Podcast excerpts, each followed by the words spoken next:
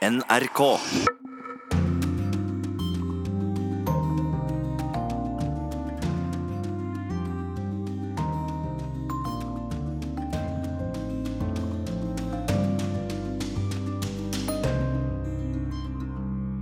Velkommen til Urix på lørdag, en sending som også inkluderer podkasten Krig og fred. Følg med videre, så kan du høre om hvorfor toppmøtet mellom Trump og Kim ser ut til å ha oppstått fra det døde, hvorfor ukrainerne mener en planlagt gassrørledning truer landets eksistens, hvorfor kanskje feil mann sitter i fengsel for drapet på Robert Kennedy, og i brevet hvorfor forholdet til to unge mennesker nå har fått så stor betydning. Først om toppmøtet. I går kveld ba president Trump pressekorpset i Det hvite hus om å pakke koffertene sine. Dere skal til Singapore 12. juni, var beskjeden. Siden 8. mars har utsiktene til et historisk toppmøte vært en lang tur med berg- og dalbane. Og mange spørsmål gjenstår fortsatt, rapporterer Tove Bjørgaas. We'll uh, meeting on June 12th in Singapore. You people are going to have to travel because you'll be in Singapore on June 12th. Vi har hørt det før, nesten alt sammen. Men da president Trump i går annonserte at han vil reise til Singapore for å møte Kim 12.6, etter å ha møtt en av Nord-Koreas viktigste rådgivere i Det hvite hus, var han litt rundere i formuleringene enn før. And I think it'll be a process. It's not, I, I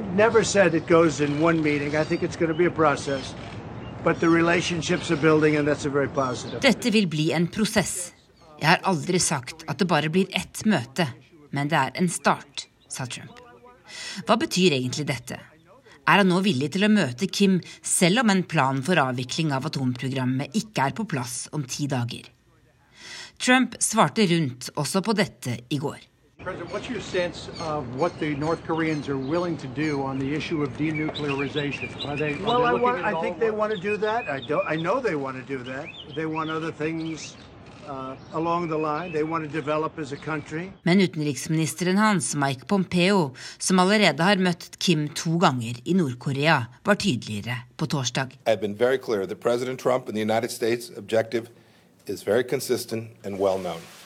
The complete verifiable and irreversible denuclearization of the Korean peninsula. Da Pompeo ble spurt hva som har forandret seg siden Trump varslet at toppmøtet var avlyst for en drøy uke siden, svarte han slik.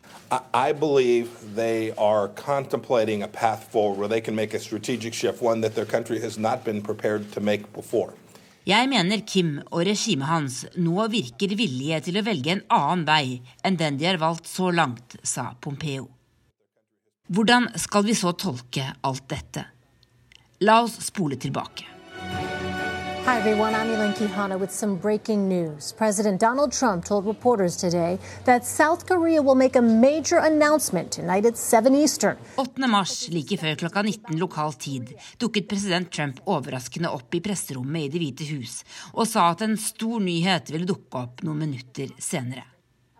Da kom Sør-Koreas nasjonale sikkerhetsrådgiver ut på plenen utenfor Det hvite hus og sa at Trump hadde takket ja til Kim Jong-uns invitasjon om å møtes ansikt til ansikt. Trump skal bare ha brukt 45 minutter på å vurdere invitasjonen fra Kim utsendingen fra Sør-Korea hadde med seg. 45 skjebnesvangre minutter, mener eksperter her. De peker på at det som har skjedd her de siste to ukene, er konsekvensen av at Trump tok en så viktig beslutning så impulsivt 8. mars. USA trenger å vite hva Nord-Korea er villige til å forplikte seg til før møtet. Og det krever langt mer nitidige forberedelser enn det Trumps beslutning har gitt anledning til. Trump snakker stadig om at Kim skal få hjelp til å bygge opp Nord-Koreas økonomi, slik at landet kan bygge sin sikkerhet og eksistens på noe annet enn atomprogrammet. Men det er ikke sikkert det er dette Kim ønsker. Han er opptatt av å bli sittende ved makten, og ønsker trolig bare økonomisk utvikling og samarbeid som kan styrke regimet hans. Trolig vil han også presentere en avtale med USA som en seier for et selvstendig Nord-Korea ikke som et rop om økonomisk hjelp fra Vesten. En tidligere landsjef for CIA med ansvar for Nord-Korea sier til CNN at det ikke er sikkert det har skjedd så mye nytt i samtalene mellom Trumps og Kims folk den siste uka når det gjelder avviklingen av selve atomprogrammet. Kanskje har det vært mest teater. Som da Kims høyre hånd kom til Washington i går for personlig å levere et brev til Donald Trump fra sjefen sin. Brevet var langt hyggeligere enn truslene om en konfrontasjon med atomvåpen Kim Jong-un kom med før Trump skrev sitt avlysningsbrev i forrige uke. Og kanskje var brevet nok til igjen å overbevise Trump om at han virkelig vil reise til Singapore. Det kan i det minste virke som både Donald Trump og Kim Jong-un har lyst til å møtes der. Om ikke annet så for å bli historiske. Målet med Nord Stream 2-ledningen er å rydde veien for en full russisk militær invasjon, sier direktøren for det statlige ukrainske gasselskapet Naftogass til Gro Holm her i NRK. If you look at the map of Russian invasion into Ukraine, you will notice that the areas they've been avoiding uh, is the area of transit pipeline because they cannot allow themselves to jeopardize gas transit to Europe. Hvis du ser på kartet over hvor russerne har invadert Ukraina, så ser du at de har unngått områder med transittrørledninger. De kan ikke tillate seg å stanse gassflyten til Europa. Sist år gikk det 90 milliarder kubikkmeter med russisk gass via Ukraina til EU, sier Andrij Koboljev ennå ikke fylt 40 år, men sjef for 175 000 ansatte i Ukrainas statlige gasselskap Naftogass. Gass er politikk, og Russlands avhengighet av ukrainske rørledninger er vår forsikring, sier Kobolev. So, speaking simply, transit of Russian gas through Ukraine is kind of safeguard for us from a full-scale military invasion. I am not saying For å si det enkelt betyr transitt av russisk gass gjennom Ukraina at vi er forsikret mot full militær invasjon, mener gassdirektøren. Derfor er Russlands plan om å bygge en ny gassrørledning som går utenom Ukraina, gjennom Østersjøen og direkte til Tyskland, en trussel. Its aim is not to move uh, gas flows because of commercial reasons, but its major goal is to circumvent Ukraine and basically clear the way Vi mener at hovedmålet med Nord Stream 2 ikke er å flytte gasstransporten av kommersielle grunner, men å rydde veien for en full militær invasjon. En invasjon som russerne alt har planlagt, sier Ukrainas mektige gassdirektør.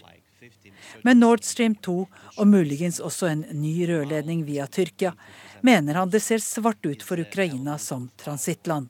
If all those projects are put in place, we will lose all of our revenues. And all transit will be gone from Ukrainian territory.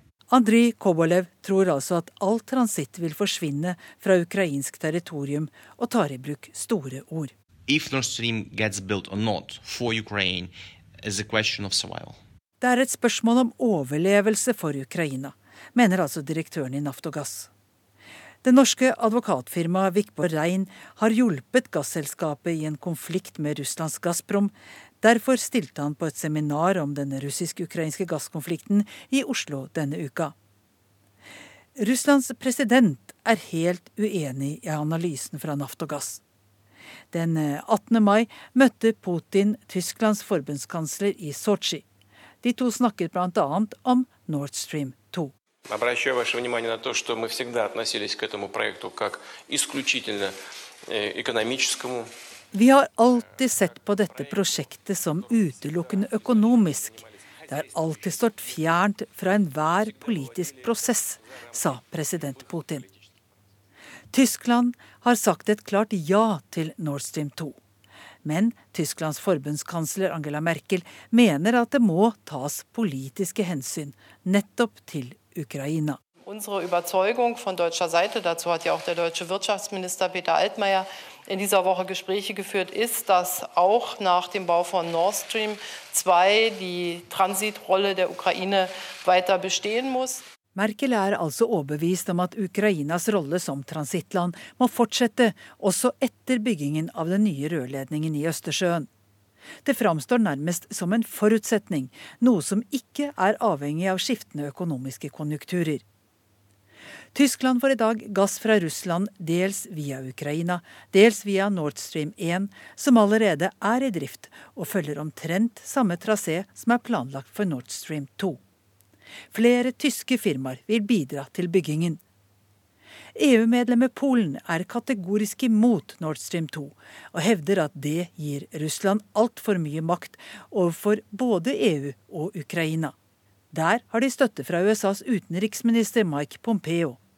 Pompeos nylige uttalelse om Nord Stream 2 ble lest opp av en amerikansk deltaker på møtet i Oslo, og det fikk den tyske deltakeren på møtet til å reagere, som vi skal høre. To the extent that the Europeans are dependent or reliant on Russian energy, it makes their freedom of movement and pushing back against Russia much more limited.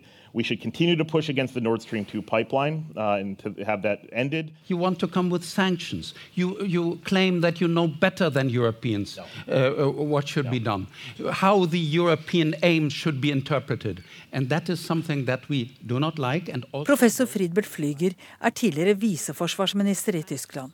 I dag leder han et energi- og ressursprogram på Kings College i London. Han mener at EU trenger den russiske gassen. So we need Russian gas. And I think there's nobody responsible in the German political scene who, believe, who, who, who happens to, to threaten this. Uh, Flyger mener altså at det er stor politisk enighet i Tyskland om at landet skal si ja til den nye rørledningen. We have good experiences with the Russians for uh, over half a century now. Reliable partner. There is an interdependence of interests. Tyskland har gode erfaringer med russerne som energipartner gjennom et halvt århundre. Vår mest stabile partner, sier professor Flyger. Men han erkjenner samtidig at de har, altså russerne har misbrukt sin markedsmakt overfor andre land. Det skjedde bl.a. i mars, da Russland lot være å levere gass til Ukraina fordi de var misfornøyde med dommen i en internasjonal voldgiftsdomstol i Stockholm. Dommen påla Gazprom å betale 2,56 milliarder dollar til Ukraina for tap av transittinntekter ukrainerne mente Gazprom var kontraktforpliktet til. Gazprom har så langt verken betalt pengene eller gjenopptatt gassleveransene til Ukraina. Direktør Andrij Kobolev i ukrainske Naftogaz viser til historien for å forklare hvorfor. Russia still remains ideologically an empire and they believe that Ukraine should be part of that empire.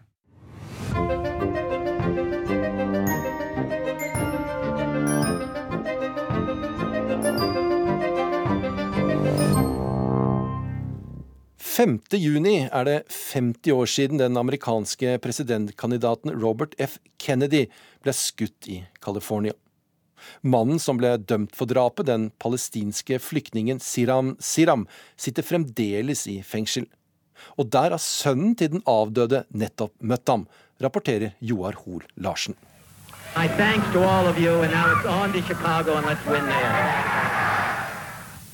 Dette var det siste den 42 år gamle Robert Kennedy sa offentlig. Klokken hadde nettopp passert midnatt. Han hadde vunnet demokratenes primærvalg i California. Og referansen til Chicago var til demokratenes nominasjonsmøte et par måneder senere.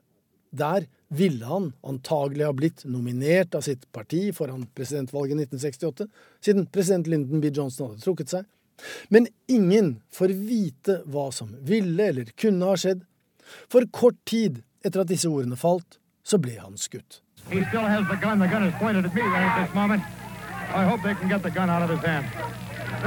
The gun. Get the gun. Den britisk-amerikanske journalisten Alistair Cook var til stede på Hotel Ambassador i Los Angeles den natten og så hva som skjedde. Han beskriver seiersgleden som brått ble omgjort til sorg, kaos og vantro. Og hvordan Bobby Kennedy døde med kona Ethel ved sin side. Ethel Kennedy in shock with two sort of brown button eyes det er ingen tvil om at Sirhan Sirhan var i lokalet. Han hadde med seg et våpen, og han avfyrte skudd. Han ble pågrepet på stedet umiddelbart, og saken var i prinsippet oppklart lenge før etterforskningen ble påbegynt. Alt dette bekreftes av gjerningsmannen selv, her i et intervju med David Frost fra 1987, der han beklager og angrer. I can't feel but nothing but remorse to, for, for having caused that, that, that tragic death of Robert Kennedy. Poenget er at den kristne palestineren hadde motiv. Han sier riktignok at Bobby Kennedy var hans helt, en forsvarer av de fattige og undertrykte, en politiker som hjalp de navnløse å oversette. Derfor ble han da også så vanvittig skuffet da Bobby Kennedy sto frem som en venn av Israel, staten som hadde fortrengt Sirhan Sirhan og hans familie og gjort dem til statsløse flyktninger.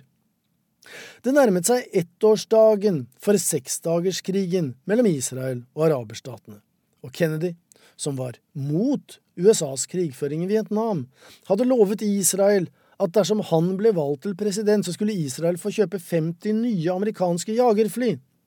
Sirhan Sirhan så på det som et forræderi mot palestinerne, Kennedy fortjente å dø, noterte han i sin dagbok. To have him say that he was going to send 50 Phantom jets to Israel, that seemed as though it were betrayal. And it was sad for me to, to accept, and it was hard for me to accept. Den 24-årige Sirhan Sirhan hadde tilbrakt hele formiddagen den 4. juni på skytebanen og trent med sitt eget våpen, men siden han hadde vært med i ungdomsheimevernet, så var det verken ulovlig eller uvanlig. Han hadde ifølge egne opplysninger bestemt seg for å oppsøke en demonstrasjon der amerikanske jøder skulle markere nettopp ettårsdagen for seksdagerskrigen. Dette ville han gjøre nærmest i protest, men han kjørte seg vill og havnet ved ambassadørhotellet, der det var en stor fest som han sluttet seg til. I intervjuet med David Frost sa han at han ikke engang visste at det dreide seg om Kennedys valgvake, helten og forræderen som fortjente å dø. Så at han befant seg der, var på ingen måte planlagt, det var en ren tilfeldighet. To me, to me, it was a coincidence, and it, I, realized, I realized then the, the unbelievability of it. Sirhan Sirhan tilsto, ble funnet skyldig og dømt til døden. Men før dommen ble eksekvert, sluttet California å henrette sine dødsdømte. I løpet av disse mellomliggende 50 årene har den angrende synderen søkt om benådning 15 ganger, og fått avslag hver gang. The man who assassinated Robert Kennedy has been denied parole for the 15th time. Parallelt med disse avslagene har det sneket seg frem en oppfatning av at noe er galt. At Sirhan Sirhan ikke var alene. At det var en mann til som skjøt. Og at det var denne second gunman som drepte senator Kennedy. Paul Shrade mener at både dommen og benådningsavslagene er en skandale. Sirhan was not in position to shoot Robert Kennedy after his first two shots. He missed Kennedy, shot me. Fagforeningslederen Paul Schraid gikk ved siden av Kennedy. Han ble også skutt denne kvelden, men overlevde. Schraid er overbevist om at Sirhan Sirhan ikke er morderen, basert på tre observasjoner. Den første Kennedy ble skutt i nakken. Det viser kruttslam på kropp og klær. Og nummer to Sirhan Sirhan var foran offeret og for langt unna til at han kunne ha avfyrt revolveren sin på kort hold og bakfra. Og tre, det ble angivelig avfyrt opp mot 13 skudd, i hvert fall adskillig flere enn de åtte det var plass til i Sirhan Sirhans våpen. Det kan med andre ord ikke ha vært Sirhan som drepte Kennedy, sier Paul Schraid. Uh, this guy did Robert Kennedy, and the prosecution knew that and had that, they, that. Det er skrevet bindsterke verk om hendelsen, og andre er mer pragmatiske. De mener at Shrade ble truffet av det første skuddet, at Kennedy så snudde seg da Shrade falt, og dermed hadde rygg og nakke mot Sirhan da han fortsatte å skyte. I kaoset, som var totalt selv før skytingen, er det umulig å si hvor nær Sirhan faktisk kom senatoren. De flestes øyne var festet på mannen som falt, og av alle tilstedeværende så er det oppsiktsvekkende at ingen har stått frem og sagt at de så denne angivelige andre bevæpnede mannen som også avfyrte skudd. Sirhan Sirhan sier nå at han ikke husker noe fra den kvelden, Han hadde drukket alkohol, var ung og umoden, sint og forurettet, men ikke gal, slik at han ikke visste hva han gjorde. I can truthfully say that I was a little incensed. I was angry, but I wasn't crazed, no. Men han avviser fullstendig at han var en del av en sammensvergelse, der han var en slags avledningsmanøver for det som skal ha vært den virkelige attentatmannen. I was never part of any conspiracy. For me to enter into a plot with another person to kill a third is. Like før jul fikk altså Sirhan Sirhan besøk i Richard J. Donovan-fengselet i ørkenen utenfor San Diego av nettopp Robert F. Kennedy, men altså junior. Sønn av den drepte. Junior var 14 år da faren ble skutt. Han har satt seg grundig inn i bevisene, og etter å ha tvilt seg frem til et møte med den fengslede palestineren, er han nå, ifølge Washington Post og CBS, overbevist om at Sirhan Sirhan ikke drepte faren, Robert Kennedy senior, for 50 år siden. Robert Kennedy's assassination happened 50 years ago next week. Now, Robert Kennedy Jr. is calling for a new investigation. Men om en sønns tvil 50 år etter at forbrytelsen fant sted, er nok til å få saken gjenopptatt uten nye bevis, det gjenstår å se. Og for mange amerikanere. Dette minner om det første Kennedy-mordet. Det på president John F. Kennedy, som ble drept snaut fem år tidligere. Heller ikke det klarer amerikanerne å slå seg helt til ro med at virkelig er blitt oppklart. Still, as with the assassination of Robert Kennedy's brother, President John Kennedy, we are still debating this decades later, and the truth appears to be out of our reach.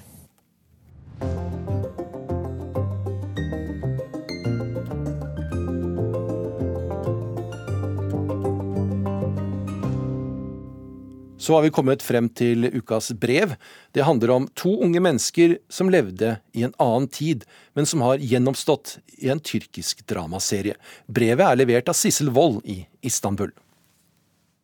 De så hverandre med en gang. Blikkene deres møttes under lysekroner av gull og krystall i en staselig ballsal i St. Petersburg. Han het Seit Eminov og var en ung offiser i tsarens hær. Hun het Aleksandra Verjenskaja og hadde akkurat kommet inn døren til sitt aller første ball. Vennene kalte ham Kurt Saeed, Ulven Saeed, enten fordi han var fryktløs, eller fordi han gråt som en ulv da han var liten. Kurt Saids familie var velstående landeiere ved Svartehavet. De var krimtartarer, altså etniske tyrkere. Alexandra var best kjent som Shura, og hennes familie tilhørte den søkkrike russiske overklassen, adelen. Til tonene av Tsjajkovskijs 'Svanesjøen' forelsket de seg dypt og inderlig. Mens han kjempet ved fronten under første verdenskrig i snø, kulde, regn og søle, satt hun ved peisen i familiens herskapshus og ventet på brev. Da løytnant Seit Eminov omsider vendte hjem, kom han til et Russland i fullt opprør og revolusjon. Bolsjevikene herjet, drepte og plyndret. Tsarfamilien ble henrettet. Adelige russere og tsarens soldater sto på dødslistene. Sjura stakk av fra familien sin og flyktet med Saeed over Svartehavet i en båt lastet med smuglervåpen. Som så mange andre russere fant de et midlertidig hjem i Istanbul. Saeed og Shura hadde hverandre nå, men hjemlengselen og savnet etter familiene tæret på. I tillegg var deres nære venn adelsmannen Petro Borinski på vei etter dem til Istanbul. Han var både ondsinnet og sjalu, og gjorde alt han kunne for å skille dem. Det er ikke rart tyrkiske TV-produsenter kastet seg over denne historien fra virkeligheten. Tyrkerne elsker lange dramaserier, og for tre år siden fulgte millioner historien om Kurt Said og Shura gjennom 46 episoder. Og nå ligger serien på Netflix. Det siste tiåret har tyrkisk drama svingt seg til store høyder, også internasjonalt. Handlingen hentes ofte fra tyrkernes rike historie gjennom århundrene, men det handler også om intriger i familier fra vår tid. Under Erdogan har mer nasjonalistiske serier, som viser tyrkernes storhetstid under det osmanske imperiet, gått sin seiersgang i store deler av verden. Det påkostede kostymedramaet Det storslåtte århundre om sultan Suleiman den store og hans erobringer ble nylig sendt i 50 land, blant dem de arabiske og europeiske landene som ble erobret og styrt av nettopp sultanen i Istanbul. Hos Tyrkias gamle erkefiende Hellas ble serien om den mektige sultan Suleiman den store overraskende populær. Det bekymret det nasjonalistiske partiet Gyllent daggry og biskopen av Tessaloniki. Om vi ser denne serien, forteller vi samtidig tyrkerne at vi har overgitt oss, mente biskopen. Også i Makedonia, en annen tidligere osmansk provins, forsøkte myndighetene å stanse det storslåtte århundret. En lov fra 2012 gir myndighetene rett til å forby tyrkiske serier nå, og erstatte dem med makedonske, for å stanse tyrkisk innflytelse over makedonske sinn. Også i den arabiske verdenen slo tyrkisk drama gjennom for fullt for noen år tilbake.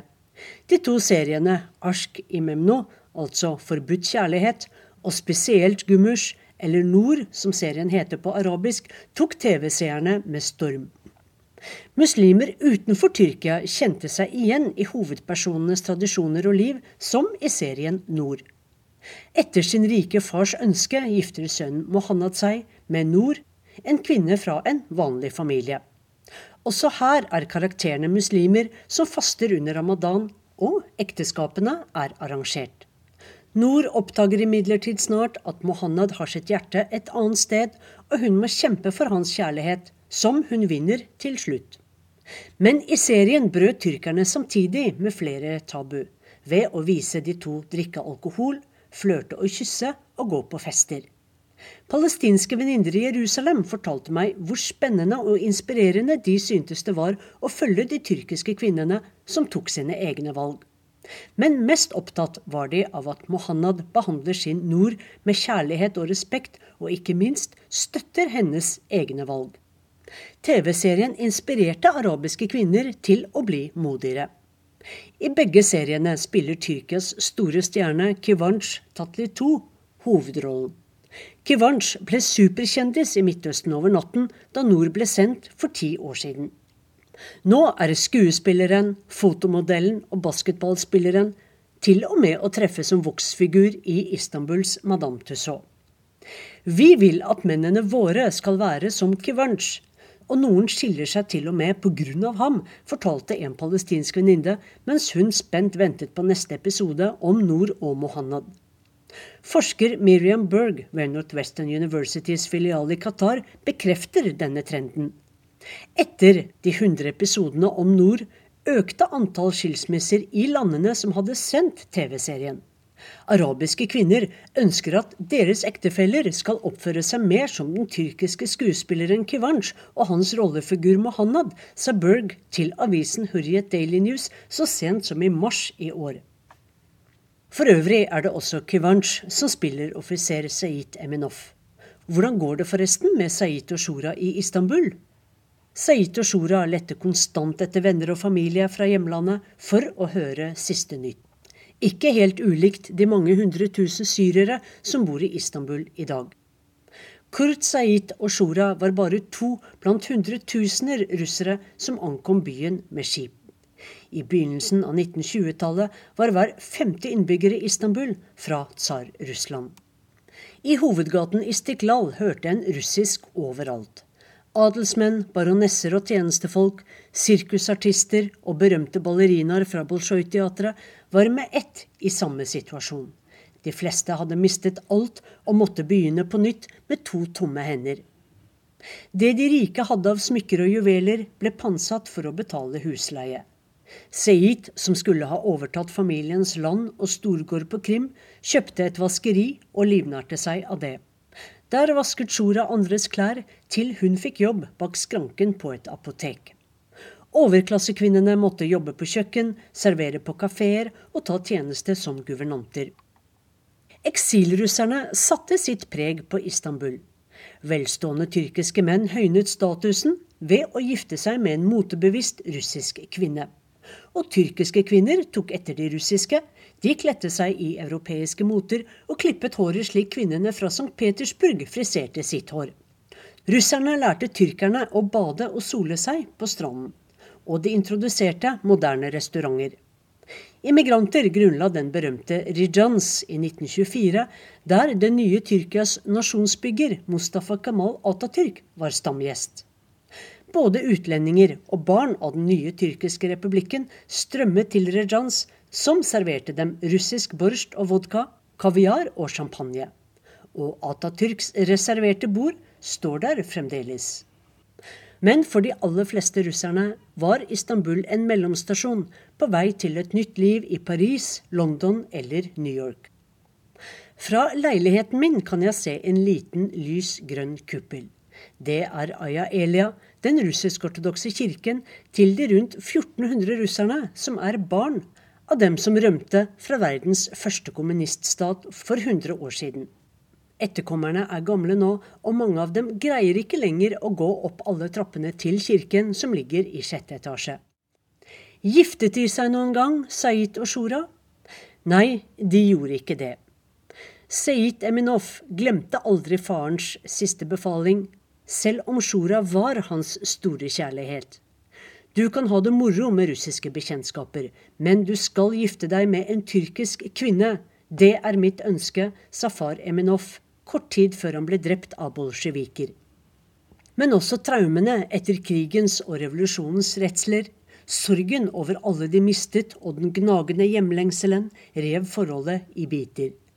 21 år gammel gikk Shura om bord på et skip for å seile videre i livet. Kurt Said ble værende i byen, der han giftet seg med tyrkiske Murvet. Og det er deres datterdatter, Nermin Besmen, som har skrevet ned historien om Kurt Said og Shora.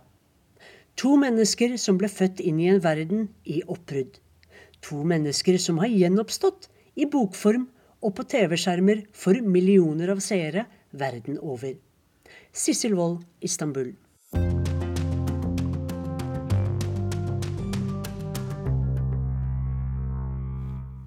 Nå kommer podkasten Utenriksavdelingen her i NRK produserer hver uke. NRK. Smilet var stort og strålende hvitt, øynene brune og vennlige.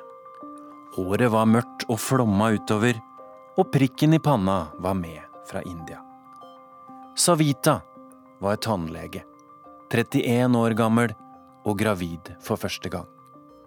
På sykehuset i Galway ble hun nektet abort og døde. Det har gått seks år, men nå sørger Savitas skjebne for at kvinner i Irland får retten til selvbestemt abort. Krig og fred. En podkast fra NRK Urix. Vote in favor of the proposal 1,429,981.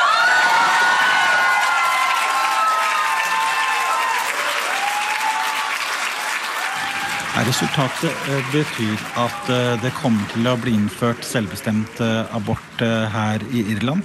Det ble til slutt et klart flertall for dette, over 66% Det som også var litt interessant med stemmegivningen, var at at det også i de eldste aldersgruppene, eh, unntatt de over 65 år, så var det et flertall for eh, å eh, gjøre noe med denne strenge abortloven.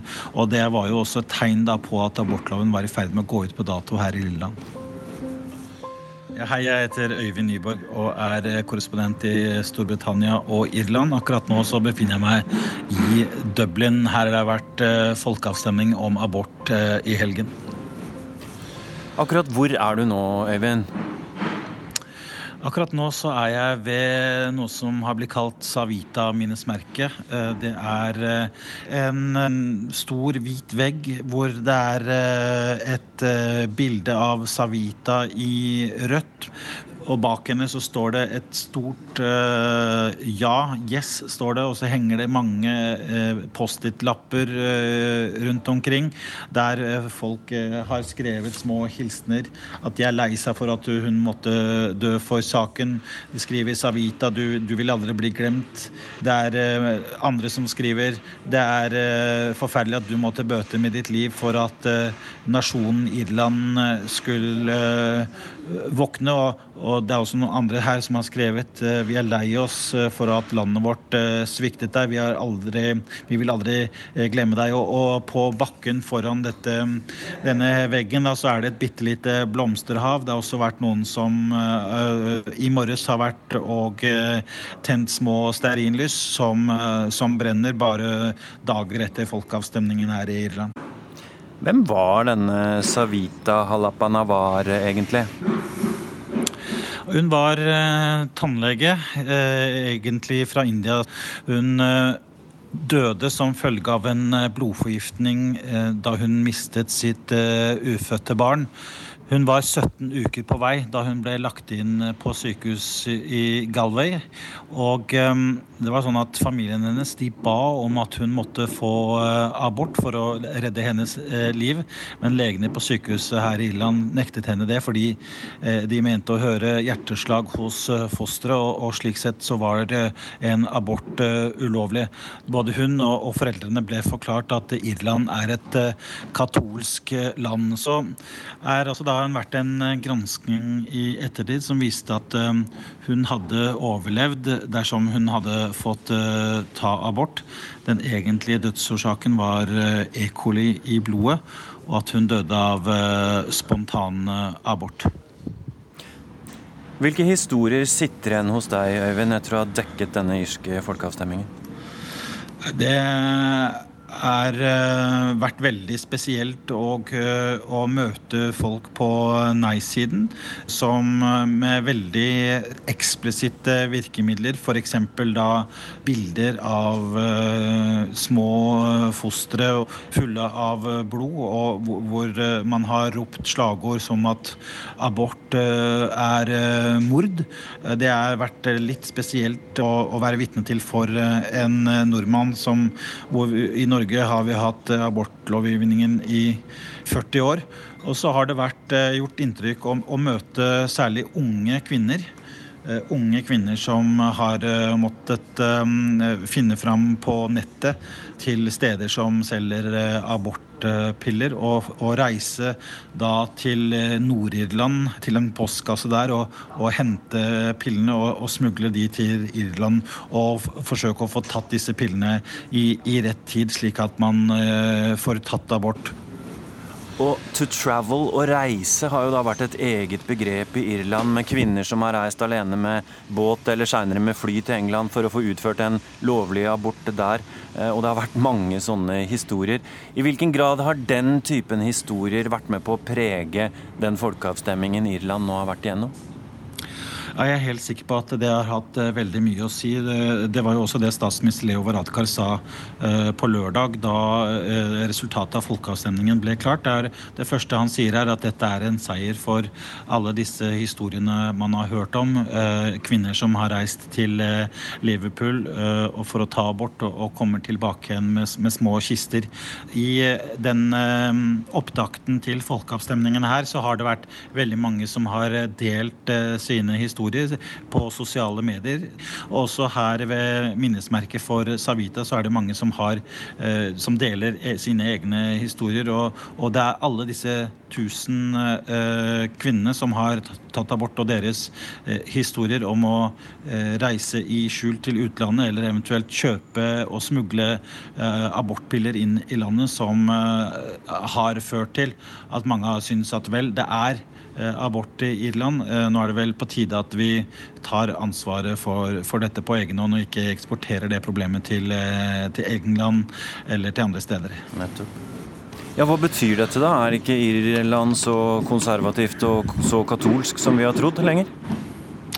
Jeg var i kirken her og loddet stemningen på søndag. Det er mange som, uh, av kirkegjengerne som er lei seg. Det er trist, og, og noen er også uh, forbannet. Det er mange som føler at det det å, ta, det å, få selvbestemt abort er det samme som abort på bestilling. At, og det er mange som også likestiller dette med, med mord. Dette har jo vært en veldig heftig debatt. Jeg har vært her i Dublin i flere omganger. Og, det har også vært veldig mange interessante etiske mm, problemstillinger. Men det som har slått meg, det er egentlig hvor lavt i terrenget Kirken har uh, ligget. Det har, det har, de fortsatt med, men i dag ser vi en av de store avisene har et stort oppslag med en av biskopene som mener at uh, alle de som stemte ja i folkeavstemningen, de har syndet og bør skrifte.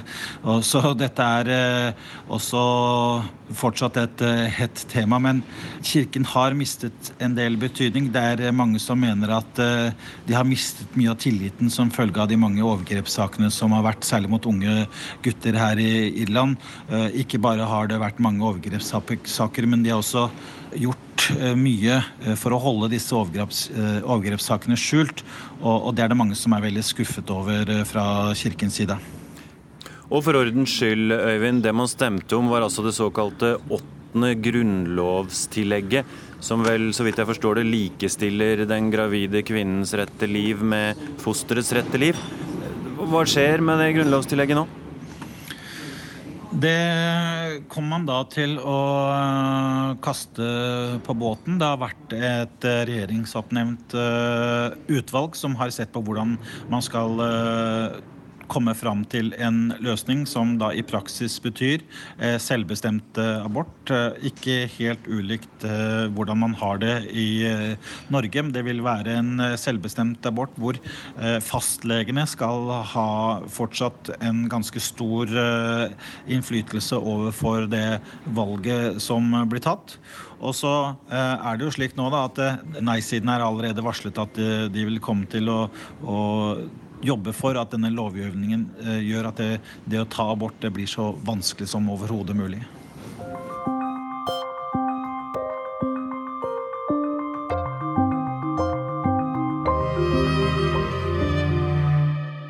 Midt i Warszawa sentrum så har du noe som de kaller for livets vindu. Det er da rett og slett en luke i veggen som du kan åpne utenfra. Der kan de som ikke har mulighet til å ta seg av sitt nyfødte barn, legge det fra seg helt anonymt. Da åpner man altså rett og slett denne luken, legger det inn i en eh, kurv.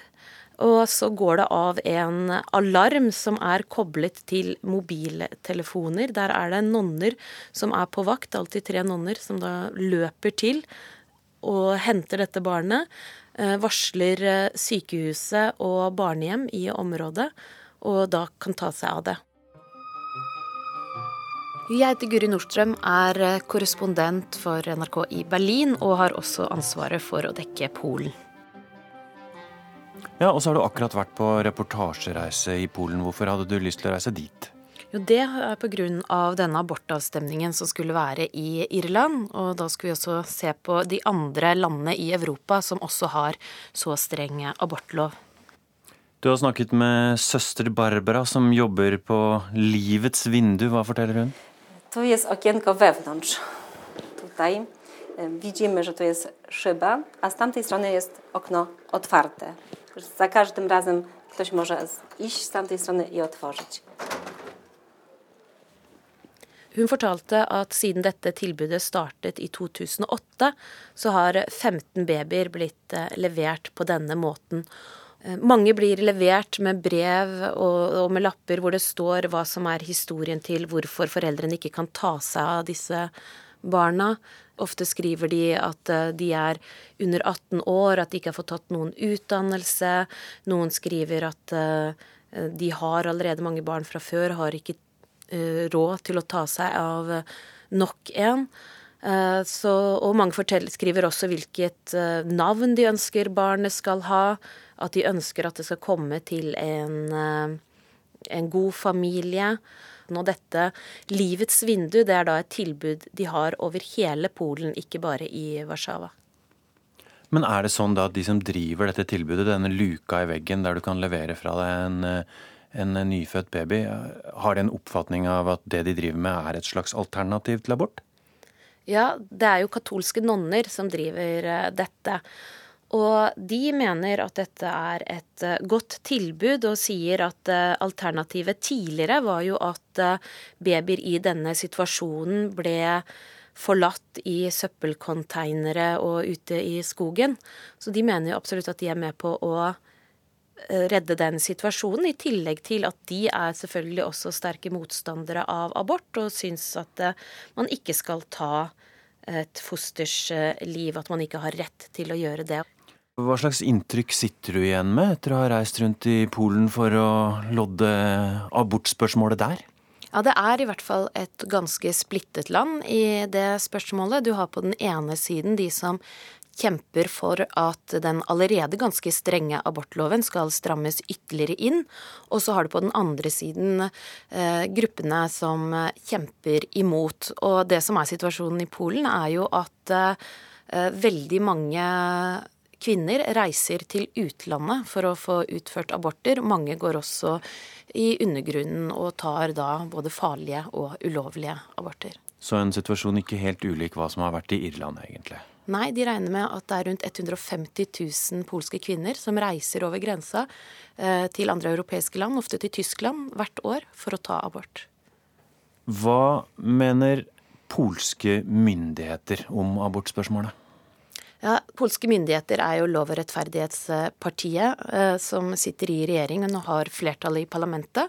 De har signalisert at de ønsker å stramme denne allerede strenge abortloven ytterligere til.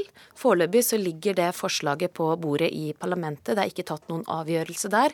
Men de som kjemper for abort, er jo redd for at det skal bli enda strengere. For situasjonen i Polen i dag er at det kun er lov til å ta abort i tre tilfeller. Det ene er hvis det er fare for mors liv, det andre hvis det er fare for barnets liv. Og det tredje er hvis det er resultat av en voldtekt. Og det forslaget som ligger på bordet, eh, der foreslår de at eh, man ikke skal kunne ta abort selv om fosterets liv er i fare. Det er et vanskelig spørsmål å dekke dette, Guri, for det er jo en politisk sak, samtidig som det er en veldig personlig og moralsk eh, sak, et moralsk spørsmål. Hvordan opplevde du møtene med disse abortmotstanderne i Polen, som en tilreisende norsk journalist? Ja, for meg så er jo det en helt annen virkelighet enn den jeg selv er oppvokst og lever i.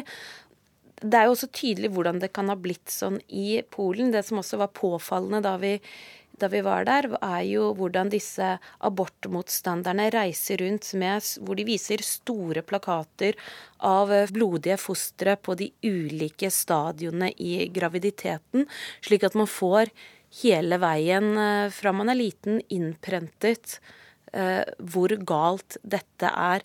Og det er jo nettopp det eh, disse som kjemper for en mer liberal lov, også sier, at dette utrolige stigmaet Eh, som er knyttet til abort, også i tilfeller der abort er lovlig i Polen, altså etter voldtekt eller eh, dersom det er fare for liv og helse. Også i de tilfellene så blir kvinnene voldsomt eh, stigmatisert.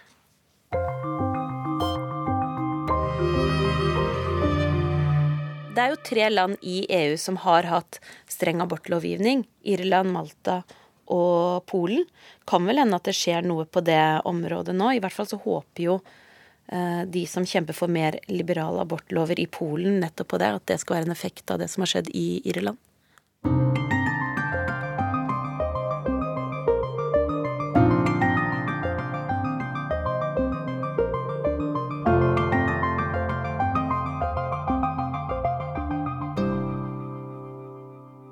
Det er jo altså seks millioner ulovlige aborter per år her i Latin-Amerika. Det høyeste tallet per innbygger i hele verden. Mer enn 1000 unge kvinner dør som følge av dårlig utførte aborter eh, rundt om på dette kontinentet hvert eneste år. Så en statistikk nå over 30 eh, 000 på 25 år. Det er jo veldig mange for oss eh, fryktelige historier om kriminelle som selger magesårmedisin som abortmiddel. Det virker visstnok, men har ofte meget alvorlige bivirkninger som blødning, Eh, og har også ført til at, eh, at unge kvinner har dødd.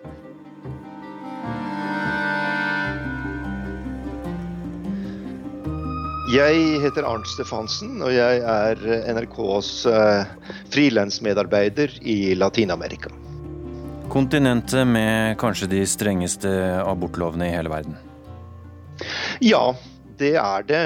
Det er jo av de 25, rundt 25 landene som man regner til Latin-Amerika, Karibien, så er det jo faktisk bare fire som har fri abort per i dag, blant dem Uruguay og Cuba. Eh, og det er eh, seks-sju land som, eh, som har en app et absolutt eh, abortforbud, altså ikke engang unntak dersom morens liv er truet, eller dersom det er snakk om voldtekt eller svært unge jenter. Slik at det er nokså ekstreme abortlover sett fra i hvert fall et norsk synspunkt. Men ser man noe av den samme utviklinga i Latin-Amerika som man ser i Europa, med en svekkelse av den katolske kirkens posisjon og en styrking av fri fri abort-standpunktet?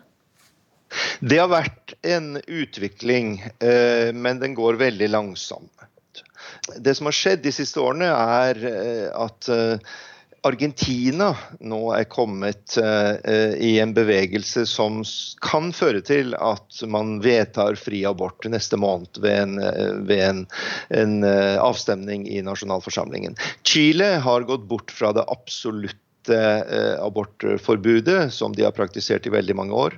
I oktober i fjor utførte man den første aborten, eh, lovlige aborten etter den nye loven. Og Det har også vært andre trekk i, i retning av en, en, liberalisering. Men motstanden fra den katolske kirken er veldig sterk.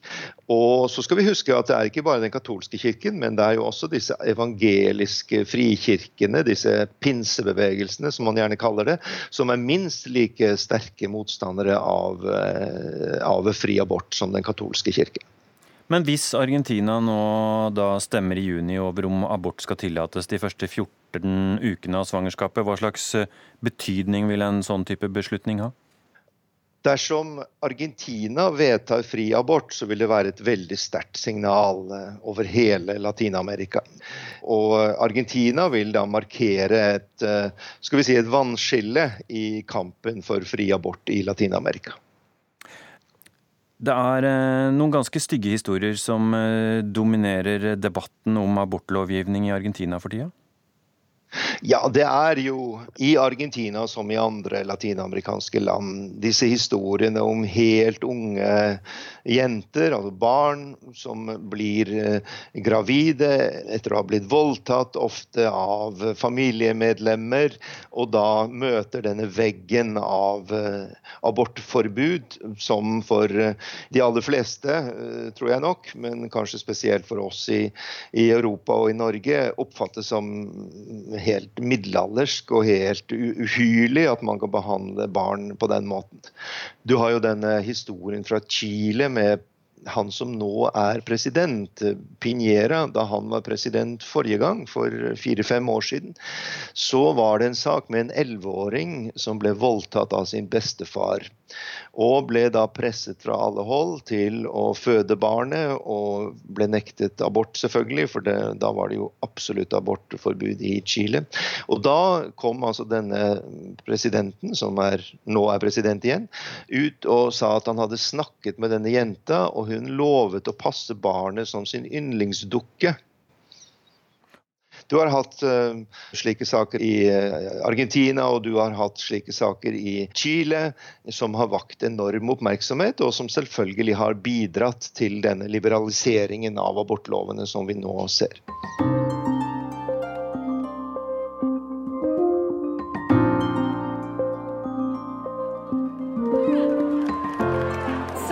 Overwhelming, but in the best way possible. Like we never expected that it would be so much of a landslide that it's seeming to be. And For all women in Ireland, it is just momentous.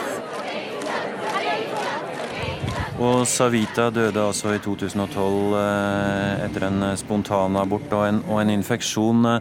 Hva skjer med hennes navn og ettermæle nå? BBC har vært og besøkt eh, foreldrene hennes i eh, India.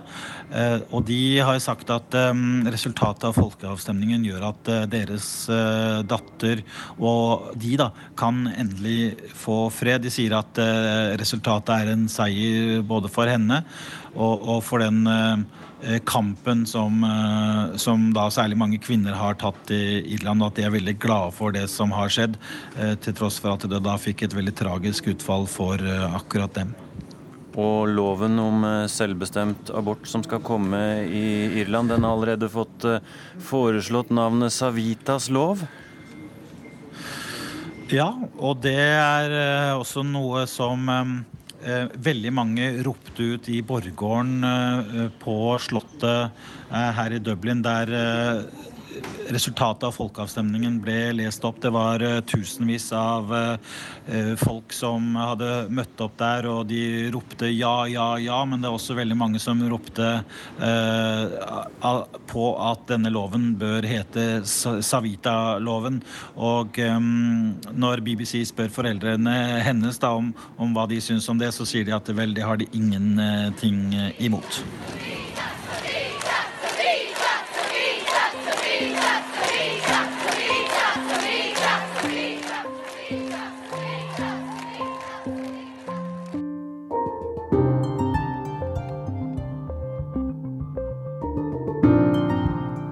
Du har hørt podkasten Krig og fred med Tore Moland.